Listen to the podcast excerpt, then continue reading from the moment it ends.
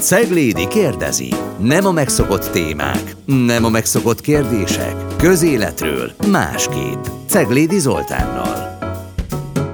Jó napot kívánok, sok szeretettel köszöntöm a hallgatókat, a Ceglédi kérdezi következő műsorát hallgatják, a szerkesztő szokás szerint Nagy Teodóra, és a mai műsorban egy nagyon érdekes kísérletet fogok tenni, megérteni egy világot, amihez az égvilágon semmi közöm nincsen. Ellenben vannak emlékeim, és össze is fogjuk kötni a legutóbbi műsorral, vagy az egyik korábbi műsorral, ahol a 90-es évekről beszélgettünk is Ádámmal, és az akkor Magyarországra megérkezett különböző új, mindenféle gazdasági jelenségek, megoldások, szubkultúrák ügyét is megvizsgáltuk, és és a, a, a koromból adódóan nekem még pont megvan az emlékem azt illetően, hogy milyen új típusú könyvek jöttek be az országba, hogyan kell élni, most már, hogy szabadság van, és az egyik a Hogyan fogyjunk le Demis Roussos módjára, aki, aki ugye egy korábban meglehetősen kerek, de dalkató énekes volt. Pont mire egyébként Magyarországon az a könyv befutott és sztár lett a, a, ezzel is Demis Roussos, akkor már megint kövér volt, tehát hogy nem volt egy jó reklámhordozó. A másik pedig Dale Carnegie sikerkalauza, minden ö, ö, akkoriban elszabott töltönyt hordó vagy májvazakos vállalkozó ö, ö, számzáros aktatásnájában ott volt ez a könyv, mert ebből akarta megtanulni, hogy hogyan lehet vállalkozónak lenni, és mit írjon be menedzser kalkulátorba, pedig hát alapvetően a feladat az lett volna, hogy a privatizációban jól helyezkedjen. No, a mai vendégem Berze Márton, aki az online társalapítója, és ők adtak ki egy könyvet, az Innovatív Gén, felforgató innovátorok kézikönyve címmel, és azon túl, hogy üdvözöllek a műsorban. Köszönöm a meghívást, szia Zoli. Azért volt ez a hosszú felvezetés, hogy világos legyen a hallgatók számára is, hogy nem a mélységeit fogom megfejteni annak a könyvnek, amit kiadtatok, mert elképesztően laikus vagyok, viszont érdekel az, hogy a, az említett 90-es évek elején szerzett élményeimhez képest eltelt évtizedöknek mi a tanulsága, hogy mire használható egy ilyen kézikönyv? Mire jó ez?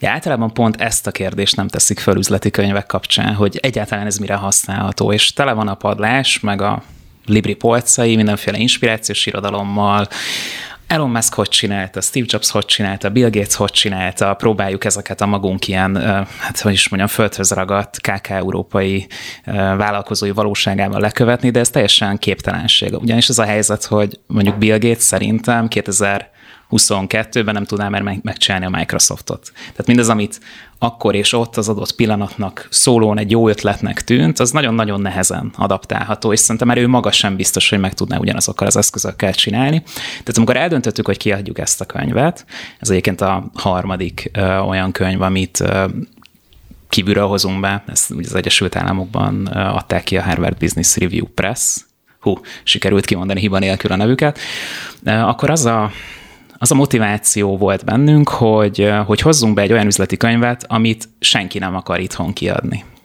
Mert hogy ez, ezzel nem lehet robbantani. Ez nem egy olyan könyv, ami, ami több tízezer példányba fog elmenni, amire ilyen iszonyat jó promóciós kampány felhúzható, marketinges háttérbe jövök, szóval van némi fogalmam arról, hogy hogyan lehetne jól eladni egy könyvet. Na ez nem az a könyv, amit ilyen nagyon jól el lehet adni, mert ez baromi unalmas.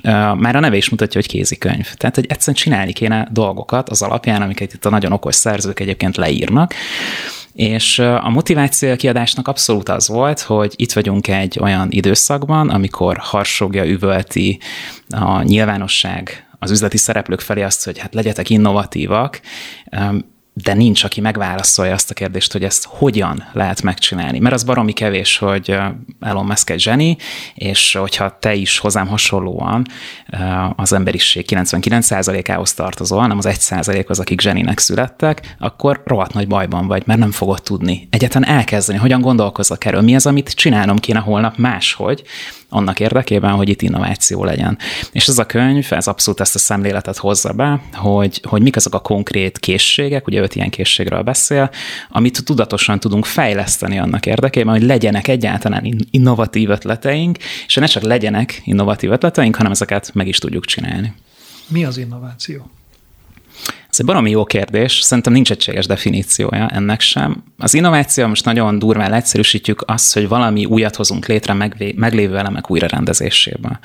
És uh, ahhoz, hogy ezt meg tudjuk csinálni, ahhoz elsősorban nem inspirálódnunk kell, meg, uh, meg nem, ez, ez a szerzők állítása nem kell hozzá zseninek születni, mert ez nem egy genetikailag kódolt valami, és itt egy picit becsapós a cím, ugye az innovatív gén, ugye az eredeti kifejezés ez a DNA volt, de ez nagyon hülyén hangzott, hogy az innovátorok DNS-e, ez, ez a még kevésbé eladható könyv kategória lett volna így, úgyhogy ezért döntöttünk az innovatív gén mellett, hogy legyen némi áthalásossága, de hogy a megtévesztő címmel ellentétben ez pont azt mondja, hogy ez, ez lebontható konkrét viselkedésekre, és számunkra ez a fontos. Az online-ban is erre fókuszálunk, nem arra, hogy hogyan kéne működni a világnak, hanem hogy hogyan működik a világ, és nem arra, hogy milyen elméletekkel írhatóak le bizonyos helyzetek, hanem hogy milyen gyakorlatokat kell végrehajtani annak érdekében, hogy eredményesek legyünk, többek között hozzunk valami újat a piacra, és ez nem nagyon ritkán legalábbis, nem a semmiből jönnek. Ezt a könyv több pontján is le van írva, többször említik ezt a szerzők, hogy,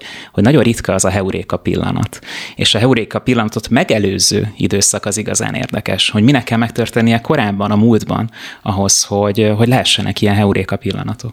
Egyébként mennyire lehet átültetni egy amerikai könyvet, az amerikai példákat a magyar viszonyokra? Mert aki ilyen könyveket olvasott korábban, vagy ebben a műfajban, az azzal találta szembe magát, hogy a példa története 99%-a arról szól, hogy, hogy Sean egy vándorló porszívó ügynök volt Michiganben, aki szedányával járta a végtelen amerikai utakat, és tudod, hogy elgondolkodott, hogy, hogy lényegében ennek semmilyen eleme nem az, ahogy egy magyar kisvállalkozó egy panel ház aljában próbál nyitni egy kis boltot mert az a Familia Kft.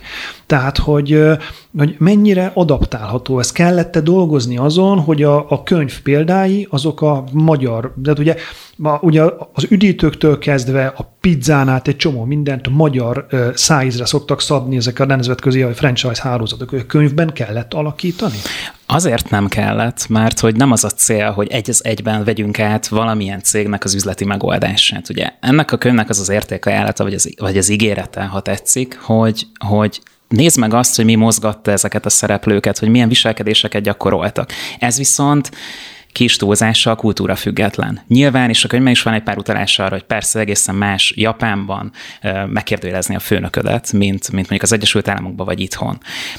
Amerikában még díjazzák, itthon esetleg, nem tudom, csúnyán néznek rád, Japánban meg azonnal kirúgnak. Tehát nyilvánvalóan vannak ilyen jellegű kulturális eltérések, de ezek minimálisak. Ahhoz képest, azokhoz a viselkedési állandókhoz képest, amik hát most már több százezer éve egyébként az embert mint fajt jellemzik, ezeket nem szükséges ilyen értelemben kulturálisan kontextusba helyezni, mert hogy pont nem az a lényeg, hogy valaki ezt a könyvet azért vegye meg, hogy én ez alapján meg tudom csinálni az új Teslát. Nem tudod megcsinálni az új Teslát ez alapján.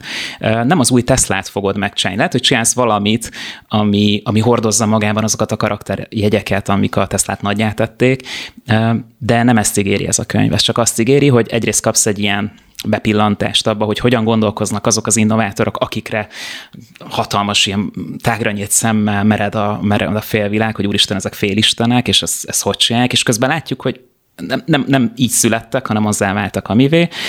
Tehát, hogy az ő gondolkodásmódjukat megismer, és kapsz mellé egy olyan lépésről lépésre útmutatót, hogy, hogy hogyan tudod ezeket a készségeket a te magyar mindennapjaidban egyébként megcsinálni. És észre fogsz venni egy csomó mindent, hogy basszus, igazából ezt én is megcsinálhatnám. Tehát én is eljárhatnék magyar tedekre. Ehhez most már nem kell, nem tudom, az Egyesült Államokig repülni, hogy elmenjél egy ötlet networking konferenciára, ezt szándékosan hívom így, és nem ötlet konferenciának.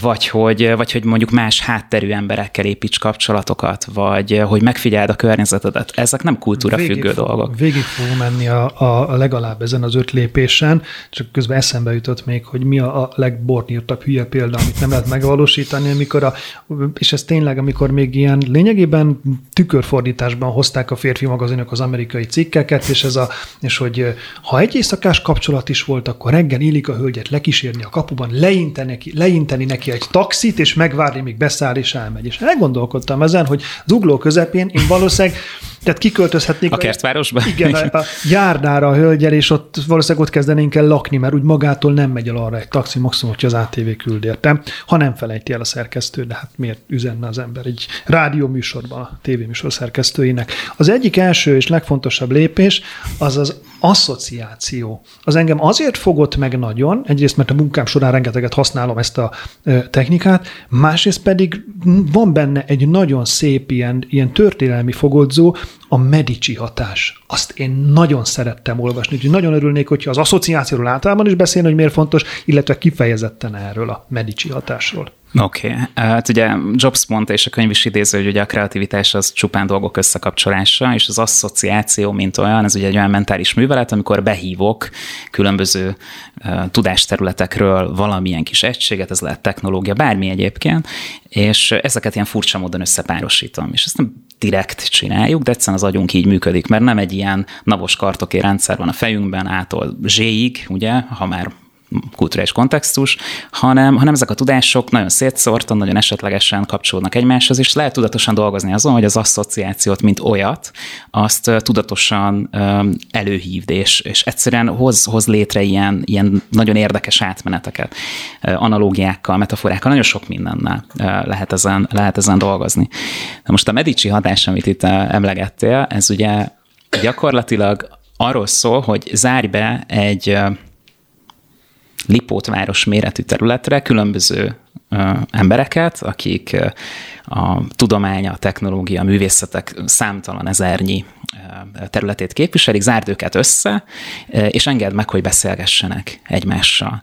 És a, ezekből a beszélgetésekből jött létre egy olyan dolog, amit úgy nevezünk, hogy reneszánsz, amikor ezek a gondolatok megtermékenyítik egymást, amikor, amikor az új mérnöki eljárások, azok forradalmasítják azt, ahogy mondjuk a szobrokat faragjuk. A, a szobor faragott ábrázolások azok visszahatnak a képzőművészet más ágenseire, és az visszahat Petrarkára, és, és akkor egyszer csak azt veszük észre, hogy itt van egy kulturális robbanás, amit reneszánsznak nevezünk, és ugye a könyvben egyébként leírják, hogy ezek a, ez a Medici hatás, ez nem pusztán a reneszánsz sajátja, mm. nyilván ez a névadója, de hogy ugye ez megtörtént a 9 és 13. század között, ugye az iszlám világban, Kordomától Kairóig kialakulnak ezek a tudásközpontok, ahol nagyon hasonló műveletek eh, játszódnak le, és ugye olyan olyan felfedezéseket köszönhetünk, például, a, ha már ezt behoztam, a, a, az iszlám reneszánsznak, jó nagy idézőjelben, mint mondjuk a dezodor, vagy nem tudom, az etanol, tehát hogy olyan dolgok, amit minden mai napig használunk, vagy a rúzs, hogy a hölgyeknek is kedvezze.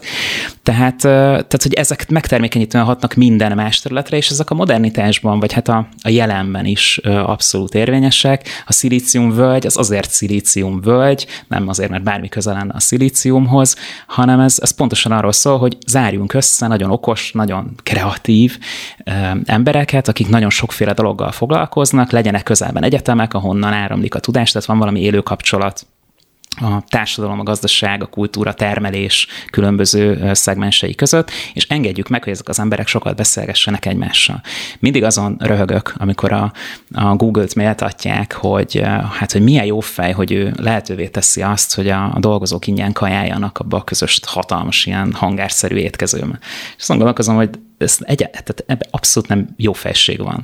Ebben az a nagyon határozott üzleti szándék van, hogy ezek az emberek, akik egyébként ugye a Googleplex, az nem tudom hány szintes és iszonyatos alapterületű, alig találkoznak egymással ezek az emberek, de megfogod őket, és leülteted őket napi fél órára, egy közös asztalhoz, hogy beszélgessenek egymással, akkor vajon kijönnek ebből jó termékötletek? Ugye egészen pontosan tudjuk, hogy így született a Google Earth, vagy így született a Google Ads, hogy, hogy ezek az emberek itt leültek kaja közben, és elkezdtek dumálni azon, hogy oké, okay, van egy kereső algoritmusunk, ez tök szuper, de hogy mi, miből lehetne még pénzt keresni. Ők nyilván nem így fogták meg, de a tulajdonosok viszont igen. Tehát ez a Medici hatás, amikor egyszer megengeded azt, hogy, hogy nem szabályozott módon, de mégis valamilyen biztonságos kreatív környezetet hozol létre okos emberek számára, és engeded őket alkotni hogy visszahassanak mm. egymásra. Divat kommunista hallgatóink egyébként ellenzik azt, hogy a üzemi étkezde legyen, és pláne ott a tulajdonos is megforduljon, mert akkor ebből a gyári dolgozók azok azt a következőzést szűrik le, hogy az osztályharc az már nem is létezik, és nem ellenfelük, a tulajdonos pedig az. Viszont rádióban megmutathatatlan, de mindenki tudja, vagy mindenkinek benne van a kezében, a szilíciumvölgyet említette, onnan jutott eszembe, a mozdulat, amivel az okostelefon képernyőink közelebb hozom, meg távolabb viszem a rajta látható dolgokat, és a, az asszociációhoz tartozik a ráközelítés és távolítás, mint eszköz is, ami szerintem megint csak nagyon szépen leírja azt, hogy, hogy hogyan működik ez az eszköz. Abszolút, ugye itt sokat emlegetett Steve Jobsról van egy, van egy példázat a könyvben, egy sztori, hogy azt hiszem a mac dolgoztak, talán az első mac és nagyon szenvedett a Jobs azzal, ugye tudjuk, hogy egy elég perfekcionista személyiségről volt szó, akinek a tökéletesen kívül semmi más nem felel meg, és egyszer nem talált megfelelő ilyen műanyag bevonatot, hogy, hogy mivel kéne ezt a csodás gépezetet ugye bevonni, és egyszer nem jutottak egyről a kettőre, fogta magát, egysétált a legközelebbi plázába, bement az legelső szupermarketbe, vagy ilyen elektronikai kis gép áruházba, most nem akarok márkát mondani, besétált oda, és talált egy konkrétan egy konyhai robotgépet, aminek tökéletesen megfelelt a, a számára legalábbis az a, az a műanyag bevonat, és ez lett. Tehát konkrétan addig ment, utána ment, megszerezte, beszállított, stb. És konkrétan most egy konyhai robotgép interfész az, ami, ami, ami rajta van most a Mac-eken. Egyébként mind a mai napig ez egy rendkívül közeli ötvezetet használnak. Ez tipikus példája ennek a ráközelítés és eltávolodásnak. Tehát, hogy részletekben menően kell beleásni magad ahhoz, hogy innovatív gondolataid legyenek, vagy ötleteid legyenek a problémába, amit meg akarsz oldani. Tehát az, hogy Job személyesen felügyel egy ennyire hát nüansznyinak tűnő kérdést, ez valójában azt mutatja, hogy, hogy, hogy neki nagyon is erős ez mind az asszociatív, mind a többi, tehát az ilyen felfedező kísérletező és egyéb készségei, és iszletes módon bezummol ebbe, aztán ki tud zoomolni belőle, és meg tudja nézni, hogy mi van körülöttem, mi az, amit mások már megcsináltak, mit tudok kölcsönvenni egy másik területről. Ugye erről beszéltünk a reneszánsz kapcsán is, hogy a szobrászat hogy tud visszahatni a mechanikai e, szerkezetekre. És hogyha ott van egy robotgép, hát e, Jobs nem szégyelte azt mondani, hogy ha egy konyhai robotgépnek megfelel, jó lesz az én mekkemre is. Abszolút egyébként a létező dolgok használata, én azt még Nyári Krisztiántól tanultam szövegíróként, hogy ha van egy jó szöveged, amit használtál, akkor is most nyilván az alkalmazott szövegírásról beszélek, nem a szép irodalomról, akkor, akkor nem kell minden egyes újabb szövegnél újra kitalálni, hogy oda mi következzen, hanem hogyha jó az oda is, akkor azt használjuk. Megint csak ez ugye a kommunikációról szól, nem, a, nem az irodalomról. Abszolút. A, példaképeimnél maradva Hugh Laurit is imádom, illetve a Dr. House figurát, és nem tudom, tudod, egy Nála működött úgy a Dr. House forgatása, hogy a e, stáb mindig becsempészett dolgokat a közvetlen környezetben. Most egy asztalnál, dupla asztalnál ülünk, és például mindig beraktak az asztalra olyan új tárgyakat, amelyek egyébként nem voltak beleírva a forgatókönyvbe, nem volt megbeszélve, mert tudták, hogy e, miközben mondja a szöveget, azt ő meg fogja látni, észreveszi, kiveszi, használja, játszik vele, és létrejön egy teljesen új, e, teljesen új megfejtés arra egy egyébként, tehát hogy jobban megoldja a feladatot. És nem biztos, hogy ez a kuriózum doboz, de egy biztos, hogy, hogy az asszociáció kapcsán, hogyha én most folyamatosan asszociatív módon próbálok eljutni az egyes elemekig, az egyik kedvenc részem az ez, a kuriózum doboz. Igen, ugye ezt egy nagy amerikai tervező cég, ha jól emlékszem a példára, Ideo talán, akik ilyen ötletgyárosok uh-huh. igazából. Őket kérik föl vállalatok arra, hogy, hogy készítsenek termékeket, de ezt egyébként több cég is használja, és ugye konkrét ajánlásként is elhangzik a könyvben, hogy neked is legyen egy ilyen kuriózum uh-huh. dobozod. Tehát, hogy hogyan, mi van egy ilyen kuriózum dobozban, igazából mindegy és minden. Tehát a legrandomabb tárgyak, a legkülönbözőbb helyekről érkező furcsaságok, bolhapiaci ocskaságtól a high-tech kütyűig, és ezt így kiteszed, és amikor jön egy ilyen tudom, brainstorming folyamat, vagy gondolkozunk azon, hogy ezt a terméket hogyan kéne létrehozni, egyáltalán milyen terméket hozzunk létre, ugye sokszor azért ilyen, ilyen innovációs nyomás is lehet egy szervezeten, vagy egy, egy cégen, akkor előveszik ezt a kuriózum dobozt, és kipakolnak mindent az asztalra. Mi az, amit ebből, ezekből a különböző tárgyakból be tudok építeni? Mi az, amit le tudok cserélni, mi az, amit ebből el tudok venni, mi az, hogyha kicsit felnagyítom, akkor, akkor, akkor jól működne már az én prototípusomon, mi az, ami nem működik. Egyáltalán, egyáltalán hogyan, hogyan tudom a korábbi alkotásokat beépíteni a saját munkafolyamatomban, és ugye nagyon érdekes példát hoz, vagy, vagy hát egy ilyen párhuzamot, egy ilyen történelmi kis kitekintés van a, van a könyvben, hogy a 16.-17. századi tudósok mögötti vitrín a dolgozószobában egyfajta kuriózum doboznak tekinthető, amiben ugye mindenféle ilyen furcsa kitömött állatok, meg ásatásokon talált részpénz, meg nem tudom, szóval mindenféle ilyen fura dolgok voltak, és egyébként nem csak a bölcsészeknél ezt az élezni szeretné, hanem a, a természettudósoknál is, és pont ezért, mert hogy, mert hogy lehet, hogy ahhoz annak a problémának a megoldásához pont ez fog kelleni. Pont az az analógia lesz a, a, a megfejtés. Ugye van egy bár egy másik fejezetben, de szintén a könyvből egy, egy, egy, egy jó sztori, hogy a Daimlernek a főmérnöke, amikor próbál egy ilyen nagyon áramvonalas autó prototípust kell terveznie, és megfogja az egész tervező csapatot, és elviszi őket a legközelebbi ilyen óceánáriumba, vagy nem is tudom, hogy kell ezt kiejteni, Ugye nézik a halakat, konkrétan a nagy bazi, nagy akvárium, vagy hogy úsznak, és, és akkor rátalálnak egy, egy olyan, azt hiszem bőrönt hal talán a, a konkrét faj, aminek rendkívül érdekes a csontszerkezete, és hogy milyen alacsony a légellenes, stb. Na és ebből született meg a Daimlernek az egyik leghíresebb ilyen, ilyen koncepcióvázlata, ami a korábbi autókhoz képest jelentősen könnyebb, tehát hogy sokkal kevesebb anyag felhasználásával lehetett létrehozni, illetve sokkal áramvonalasabb, tehát sokkal alacsonyabb légellenes volt benne. És itt a felvezetőben azt mondtad, hogy, hogy nem értesz az innovációhoz, meg ez az egész témához. Na az a helyzet, hogy mi sem. Tehát, hogy ezt a könyvet pont azért adtuk ki, hogy a hozzánk hasonló emberek, akik azon gondolkoznak, hogy ér, vagy hogy mondjam, érzékelik ezt a nyomást, hogy annak kell lenned, kapjanak valami kis kezdőlökést, hogy egyáltalán ez hogyan, hogyan lehet ezt elkezdeni. Hát és például így elsétálsz a kampónába, és megnézed a cápákat. No, akkor aki online követ minket, vagy hallgat minket, az a szünet alatt legyen kedves az asszociáció egyik iskola példájára rákeresni a Google-on, ha nem tudta volna még, hogyan született meg a Gyöngyhajú lány című számnak a szövege, ugyanis az maga volt az asszociáció, de a kuriózum doboz, az Adam és Annának a szobája volt, ennél többet nem árulok el, mert hogy el kell mennünk egy szünetre, utána folytatjuk, meg fognak lepődni a kérdezéssel.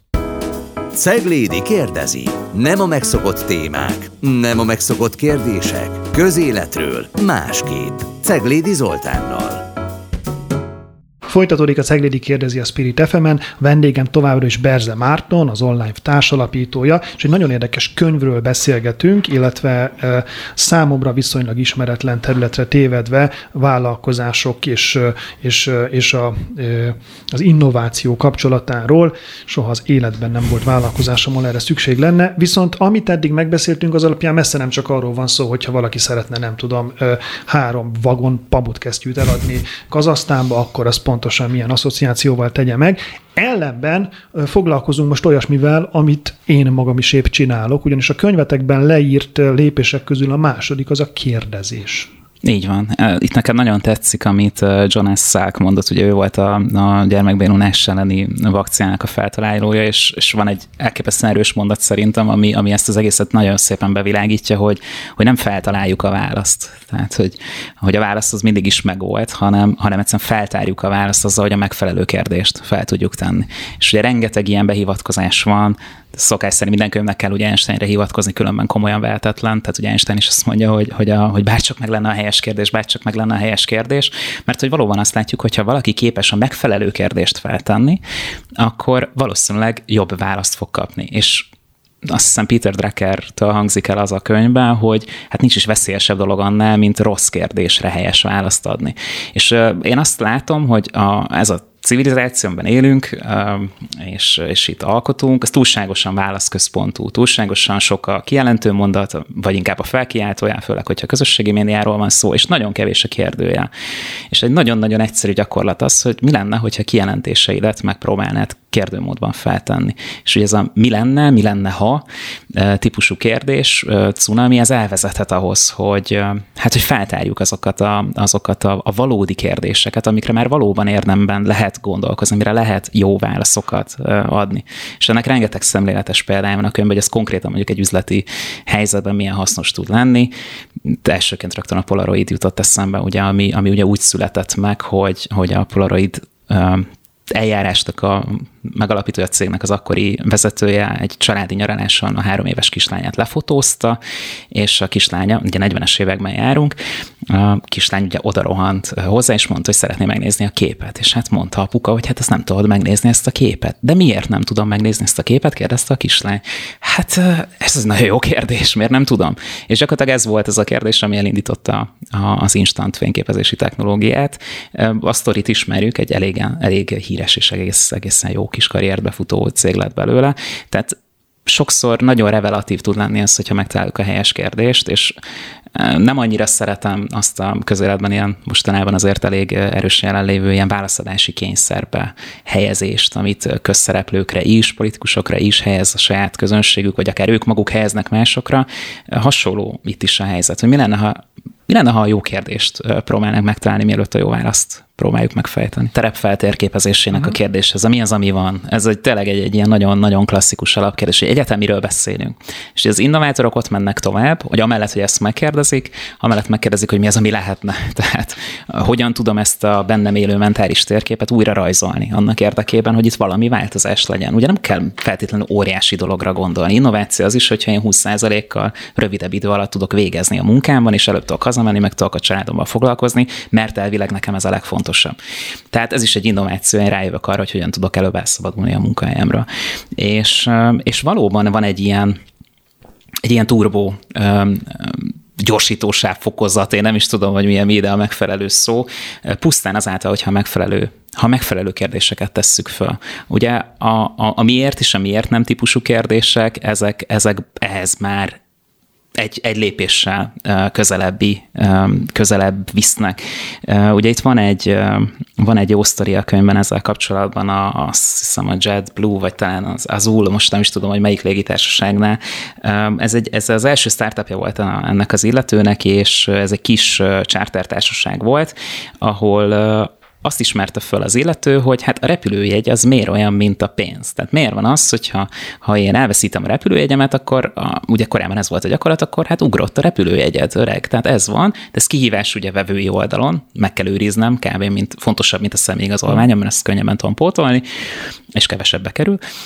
És hát probléma a cégnek, hogy hogyan tudja mondjuk biztonságosan ezt eljuttatni. Tehát ha nincs nem az irodába sétálva az illető, akkor ez egy logisztikai kihívás volt. És gyakorlatilag ez vezetett az első ilyen elektronikus jegy létrejött. Ma már annyira természetesen használjuk, hogy megkapjuk ki, sőt, most már applikációba töltjük le ugye a különböző fapados légitársaságokról a, a, a kis jegyünket, becsippantunk, átsétálunk rajta. És itt óriási piaci növekedést okozott, pusztán azáltal, hogy egyszerűen feltette ezt a kérdést, hogy ez, ez miért is így működik, működik, miért nem működhetne másként? Miért kéne ezt készpénznek vennünk szó szerint jelen esetben a valóságot? Miért nem lehet ezen elgondolkozni? Illetve azt hiszem ugyanennek az illetőnek a másik Brazíliában honos kis légitársaságánál fordult elő, hogy ez a sztori, hogy nem értették egyszerűen, hogy miért nem, ugye miért nem, foglalnak többen jegyet a járataikra, miközben sokkal kényelmesebbek, sokkal olcsóbbak, mint a konkurensek, stb. És kiderült, hogy a járatindulásokhoz a tömegközlekedés egyszerűen nem, nem felelt meg. Ugye ki az, aki a fapadost használja? Hát általában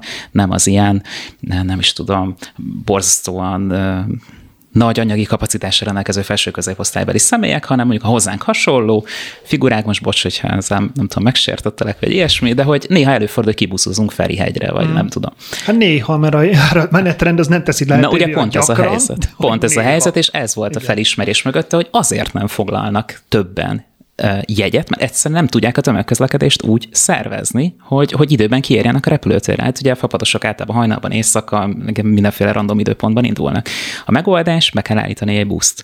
Tehát az, ami a fővárosnak mondjuk 30 év alatt sikerült a felismerésig eljutni, az mondjuk ott tartott két hétig az elindulás után, hogy oké, okay, akkor ide egyszerűen szerveznünk kell egy buszt. És hát elképesztő ö, ö, eredményekkel járt, azt hiszem napi 3000 jegy, és 21 millió utasra növelték egy év alatt a a, a forgalmukat, pusztán azzal, hogy rá egyszer megkérdezték, hogy, hogy miért nem, miért nem foglalnak, amikor itt elvileg minden oké, okay, itt, itt minden rendben, elvileg ez a legjobb uh, légitársaság a környéken, és még sincs, még sincs elég, uh, elég utasunk. Mit kéne ahhoz tennünk, hogy legyen?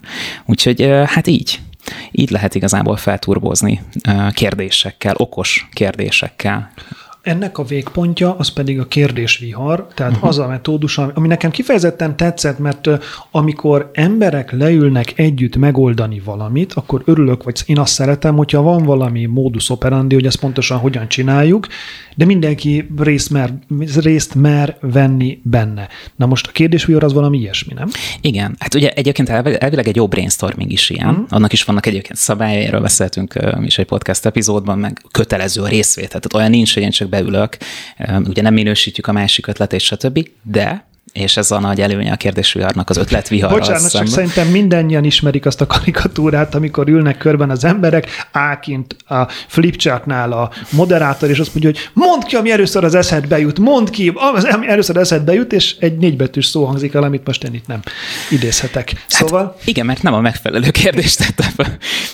igen, tehát hogy az ötletviharral az ugye a probléma, hogy használjuk akkor a magyar megfelelőjét, mm. hogy ugye ezek is állítások. Tehát valamit mondanom kell és ugye a kérdés a technika azt, azt a mentális, a válaszadás mentális terhét könnyíti meg, hogy oké, okay, ne állítást fogalmaz meg, hanem egy kérdést az adott problémához kapcsolódóan. Hogyan tudnánk megoldani azt, mondjuk adott esetben, ha holnaptól az állam megtiltaná annak a terméknek a reklámozását, amiben most utazunk. Mit csinálnánk? Hogyan tudnánk, és, és akkor elkezdesz ilyen hogyanokat, miérteket, miteket összedobálni, és minden kérdésbe jöhet, persze, és akkor ennek a végén van egy rangsorolás, egy priorizálás, és azután indul el a közös ötletelés magáról a probléma megoldásra. Ugye az elképesztően keveset kérdezünk, ugye erről, hát le is nevelnek minket részben, miközben számtalan nagyon jó példa van arra, hogy, hogy ennek mekkora, mekkora felhajtó ereje van egy jó kérdésnek, ugye itt a Bain Company elnökéről egy Izraelben született, a 80-as években született, hát akkor még kislányról példázzák ezt, aki, aki talán a legsikeresebb női felsővezető volt itt az, az elmúlt 50 évben, és ő az, aki, akit úgy mutat be a könyv, mint aki kislányként állandóan kiesett a padból, mert állandóan kérdezett, és mert id- idézőben idióta kérdéseket is feltenni. Tehát, hogy erről leszoktatnak minket, ugye ez az egyik. Hát a másik meg az, hogy ugye félünk attól, hogy ostobaságot fogunk kérdezni, hülyének tűnünk. Na most ezt senki nem akar hülyének látszani, vagy, és ez is céges környezetben elő tud fordulni, hogy a kérdés, akkor te most kötözködsz, vagy, vagy akadékoskodsz, ugye? Hát, láttunk ilyet, és, és ezt senki nem szereti bevállalni, miközben elképesztően hasznos tud lenni. Tehát, hogyha elszoktatod a csapattagjaidat arra, hogy merjenek kérdezni, merjenek okos kérdéseket feltenni, akkor, akkor a végén sokkal több releváns kérdésed lesz, mert tudjuk, a válasz igazából az már mindig megvan a természetben, vagy akár az üzletben is, a, jó kérdést keressük továbbra is. A következő lépés ez a megfigyelésről szól, és én azt a felszólítást ragadtam meg, vagy jegyeztem meg leginkább ebből, hogy Na mi egyébként nagyon szép konzervatív megközelítése a problémának, hogy keresd a feladatot, és hogyan lehetne jobban elvégezni. Igen.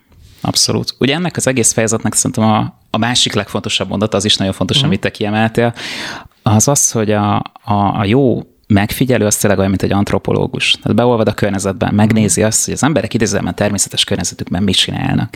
És, és ugye ez valóban arról szól, hát elvileg szervezeteket, céleket basszus ezért hozunk létre, hogy megoldjunk valamilyen kihívást, hogy megoldjunk valamilyen problémát. És azon dolgozunk, hogy ezt lehetőség szerint minél jobban csináljuk. Ugye Drucker, ugye a Modern Management atya nem ebben a könyvben, egy másik könyvében azt mondja, hogy, hogy a szervezet minden, ami a szervezet számára érték, az a szervezeten kívül van, mert azt úgy hívják, hogy vevő, meg piac, és a többi. Minden, ami belül van, az költség, és hogy két dolgot tarts meg házon belül, a marketinget és az innovációt, mert ez kell ahhoz, hogy, hogy a kívült jobban tud szolgálni. És ez szerintem egy elképesztően igaz mondat, itthon nagyon nem így gondolkodunk erről, és antropológusként beolvadsz a környezetbe, és megfigyeled, hogy az emberek hogy használják a cuccodat. Ez lényegében erről szól. Könyvben is számtalan ilyen példa van, de csak gondoljatok abba bele, hogy mondjuk amikor egy weboldalt tesztelsz, beleteszem mondjuk egy évet a fejlesztésbe, azt hiszed, hogy tökéletes, mert hiszen egy évet dolgoztam rajta, tehát ez nem lehet más, csak tökéletes. És küld rá a nagymamádat arra a weboldalra. És úgy el fogja törni két perc alatt, ahogy, ahogy kell. És neki van igaza, mert hogy mert hogy ő fogja azokat a kerülő utakat, azokat a helyettesítő megoldásokat, kvázi a réseket megtalálni a rendszerben, ami még hiányzott. De ha nem figyeled meg, hogy a piacot hogyan reagál a termékedre, a választót hogyan reagál a politikai ajánlatodra, csak hogy a közéleti vonal is megmaradjon, akkor, akkor eltéríted, eltéríted a, a, a célt, és, és leveszed arról a fókuszt, akin igazából folyamatosan rajta kellett volna tartanod a vevőn és az ő elégedettségén. Úgyhogy, úgyhogy ezért a megfigyelés az egy, az egy rendkívül erős eszköz, ugye sokat nézünk, de nagyon keveset látunk. Na, akkor erre kötöm rá, mert hogy egyébként olyannyira, hogy például a Duma Színházban, az estemben vannak olyan elemek, ami kifejezetten a megfigyelés azon részéből származik, ez a keresd a meglepetéseket és anomáliákat, ezt is használjátok, hogy van, tehát konkrétan Facebook hirdetéseket rakok elő, de nem, nem a hétköznapi emberek hirdetéseit, hanem amiért valaki pénzt fizetett. Uh-huh. De a, a, a, a, a pizzaházhoz szállítótól egészen a Kásler Miklósig. És azok a hirdetések, amiket valaki kitalált, megszövegezett, megrajzolt, betargetált, kifizetett, megjelennek emberek százezrei, adott esetben milliói szeme előtt, de ha te kirakod, és elmondod, hogy ebben mi az, ami nem olyan, ami ennek lennie kéne, hogy mi az, ami kilóg, ami, ami fals. De az egész humor arról szól, hogy látsz egy problémát, amit más vagy nem vett észre, és jól fölnagyítod. Hát igen. nem is feltétlenül fölnagyítani, csak hogy rányomom a reflektort, és uh-huh. akkor marad amekkora, csak hogy, csak hogy megállapítjuk, hogy hát hiszen ez egy hülye. Szóval, hogy ilyen meglepetéseket és anomáliákat kell keresni a megfigyelés után, vagy során. Abszolút, és uh, ugye ezzel kapcsolatban le is ír egy jó sztorit a könyv, a, a, a Movie Mouse nevű uh, szoftvernek a, a, a történetét, ami hát lényegében egy olyan alkalmazás, amivel filmekre, sorozatokra uh, teszi rá egyébként. Ez a, a kedvenc sztorim, a nyelvtudásos, ugye? A nyelvtudásos, igen, igen, igen. igen. Ugye itt egy brazil, braziliai útra megy el az illető, mm. ahol, ahol beszélget TOEFL nyelvvizsgára készülő helyiekkel, brazil diákokkal, és hát meglepődve tapasztalja, hogy a legjobban, angolul legjobban beszélő személyek, azok nem azok, akiket ő várt, ugye ez lenne a mi mentális mhm. előfeltevésünk, mm. hanem azok, akik rendszeresen néznek el jó barátok, meg opera szintű dolgokat, sorozatokat, tévéműsorokat, stb.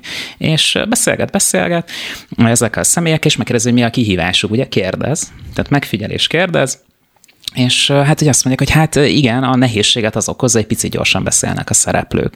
De egyébként ők beszélnek a legjobban, messze jobban beszélnek, mint akik, akik nyelvtanfolyamokra járnak. És tegyük hozzá, hogy szívesebben hallgatják eredeti angol nyelven, Így szinkronizálva, mert ugyanakkor az eredeti élményt akarják átélni, és nincsenek arra kondicionálva, hogy csak a saját nyelvükön fogadjanak el. Beszélek majd utána a nyelvtanás szükségességéről külön is, de hogy igen, tehát, hogy túl, túl gyors nekik. Túl gyors, és akkor ezért hozza ezt a, ezt a megoldást ez a szoftver, hogy képes lelassítani ugye a beszédtempót, meg lehet állítani, hogyha bizonyos kifejezéseket nem értek, akkor, akkor ott ad egy definíciót, kiejtést, ugye ez a másik, ami például itt van ugye egy, egy, egy, egy katasztrófa, um, ugye ez a listening és a, a, a speakingnek ez a legnehezebb része gyakorlatilag, hogy hogyan tudom ezt visszaadni, ugye idiómákat lefordítja, na ott fontos a kulturális uh, kontextus, ugye, hogy ez a bizonyos mondásokat nagyon nehezen tudunk megérteni tükörfordításból, ha most a magyarokra gondolsz, hogy ezt uh-huh. egy angolnak elmondod, akkor lehet, hogy elég furcsán fog rád nézni, uh, és hogy ráillesztik ugye a saját kiejtésüket um, a színésznek a szájmozgására, tehát ő konkrétan tudja tudja gyakorolni azt, hogy a megfelelő módon ejtse ki ezeket a szavakat.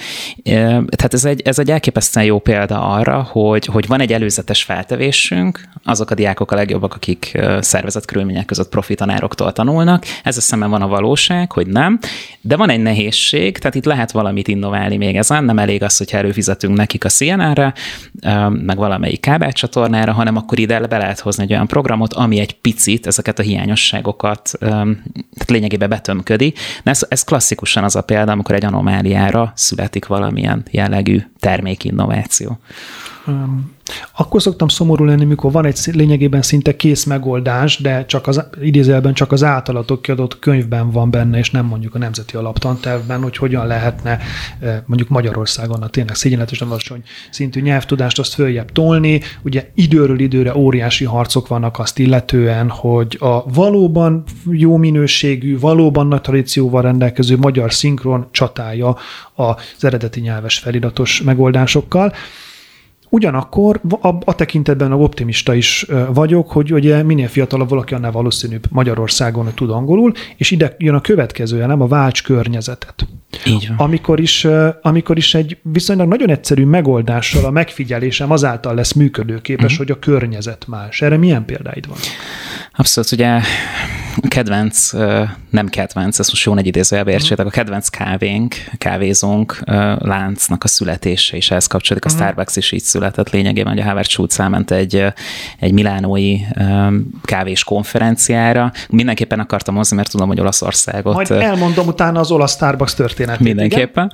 Igen? És hát nyilván körbenézett, hát ha már ott vagyok, és hát elvileg kávéval foglalkozom, életemben nem járt olasz kávéházba, és hát teljesen lenyűgözte az, amit látott, tehát hogy ez a csádias légkör, ide mindenki, aki belép, az törzsvendégként van köszöntve, vagy az illatok, a textúrák, a családias hangot. Tehát hogy tényleg így azt mondta, hogy úristen, ez annyira jó, és hát Amerikában ehhez képest annyira szar minden kávé, amit iszunk, hogy innen nem csak a kávét fogom elvinni, hanem ezt az élményt is valahogy, valahogy haza akarom vinni. És akkor ahelyett, hogy hazaugrott volna, két nap után a konferencia után ott maradt, körbejárt a milánói kávéházakat, utána elment még Veronába, ott is beült még pár helyre, ott is megnéztem, mit lehet elvinni, ott, azt hiszem ott ivott először kávé talán ez is benne igen, van a könyvben. Igen, igen, igen. És akkor mondta, hogy na ezt a receptet is biztos, hogy hazaviszem. Úgyhogy így születtek meg a kávé liberálisok, csak mondom, Zoli.